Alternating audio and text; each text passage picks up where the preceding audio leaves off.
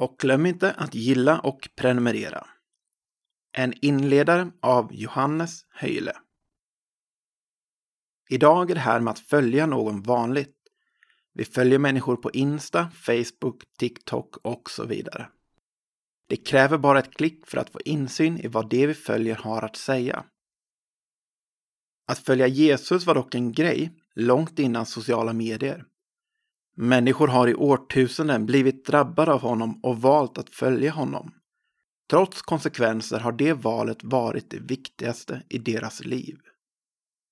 Men hur gör man om man vill följa Jesus?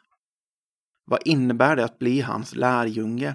Vad är det viktigaste? Vad kostar det? Hur ska jag agera? Och vad gör jag när jag misslyckas? Vad är målet? Dessa och många fler frågor tar tidningen i din hand upp.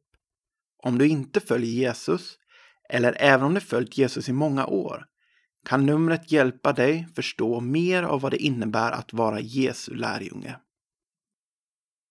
Bön Jesus, det är inte alltid lätt att vara din lärjunge, men hjälp mig att följa dig. Amen.